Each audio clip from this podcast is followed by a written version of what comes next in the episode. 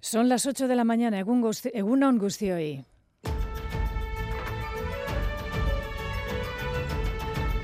Crónica de Euskadi con Aichiber Bilbao.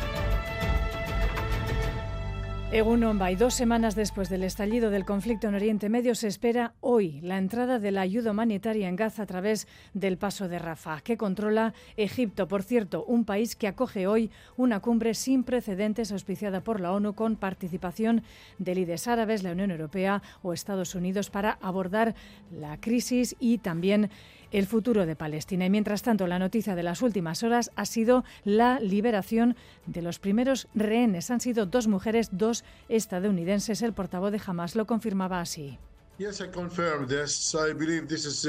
Sí, lo confirmo, así que creo que este es un paso muy importante. Creo que la comunidad internacional debería recoger este mensaje de Hamas, de que Hamas no es una organización terrorista, que lucha por la liberación y la dignidad de las personas. Esto es parte de la mediación de nuestros hermanos cataríes y egipcios. Esta tarde manifestación en Donostia para pedir el cese de los ataques y también en solidaridad con el pueblo palestino.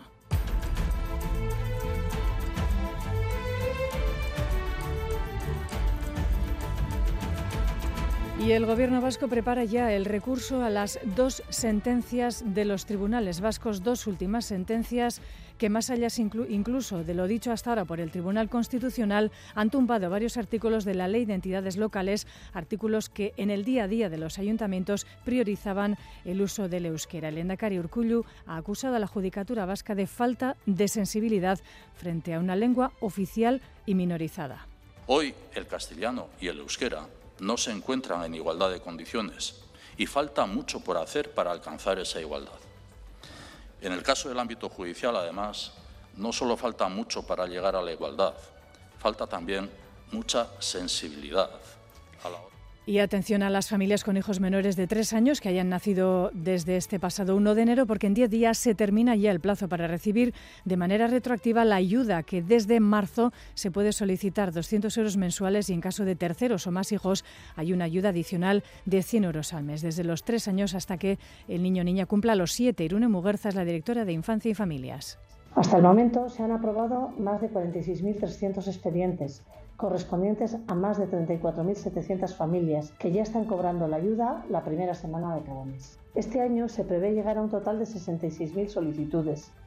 Y en otro orden de cosas, hoy en Bilbao se celebra una de las carreras populares más especiales, la maratón nocturna, a partir de las 7 de la tarde. Atención a las grandes aficiones al tráfico en la capital, en los entornos de San Mamés, Ponte Euskalduna, San Ignacio de Eusta, Ayuntamiento y también Casco Viejo. Hay 14.000 corredores y corredoras inscritos.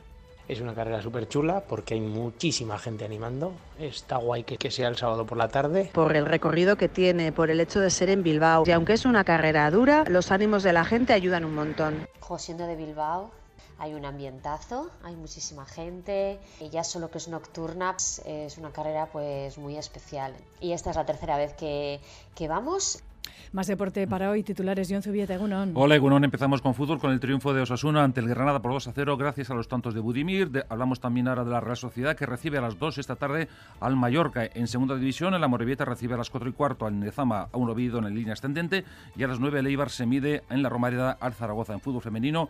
Hoy a la mañana un partido Eibar que recibe al Villarreal. En cuanto a balonmano, el Vidasoa se enfrenta en Artaleco esta tarde al Nava, décimo clasificado y asimismo tenemos el Veravera Betionac en pelota. Hay que recordar la victoria de Peyo Echeverría por 22-19 a Joseba Azcurdia en el campeonato del 4 y medio y en baloncesto esta tarde a las 6 y media el Noitec recibe al Valencia Basket en Maloste y un apunte de golf porque hay que destacar la actuación de Adrián Otegui en el Máster de Andalucía donde comparte el liderato. Gracias, John. Ha finalizado ya el aviso amarillo por viento de ayer, pero atención porque todavía sopla con fuerza. Se mantiene el aviso amarillo hoy a la navegación. Las olas de ayer de récord, lo decía en Gambara Ricardo Ituarte, el director de emergencias del Gobierno vasco. Sí, 8,6 metros a las 6 de la tarde y bueno, pues en zona ya, bueno, no tan, digamos, alejada de la costa como es la boya de Donostia, eh, pero también en, bueno, pues en la mar, en este caso más cerca de la costa, en el puerto de Pasaya, se han registrado 5 metros a las 3 de la tarde.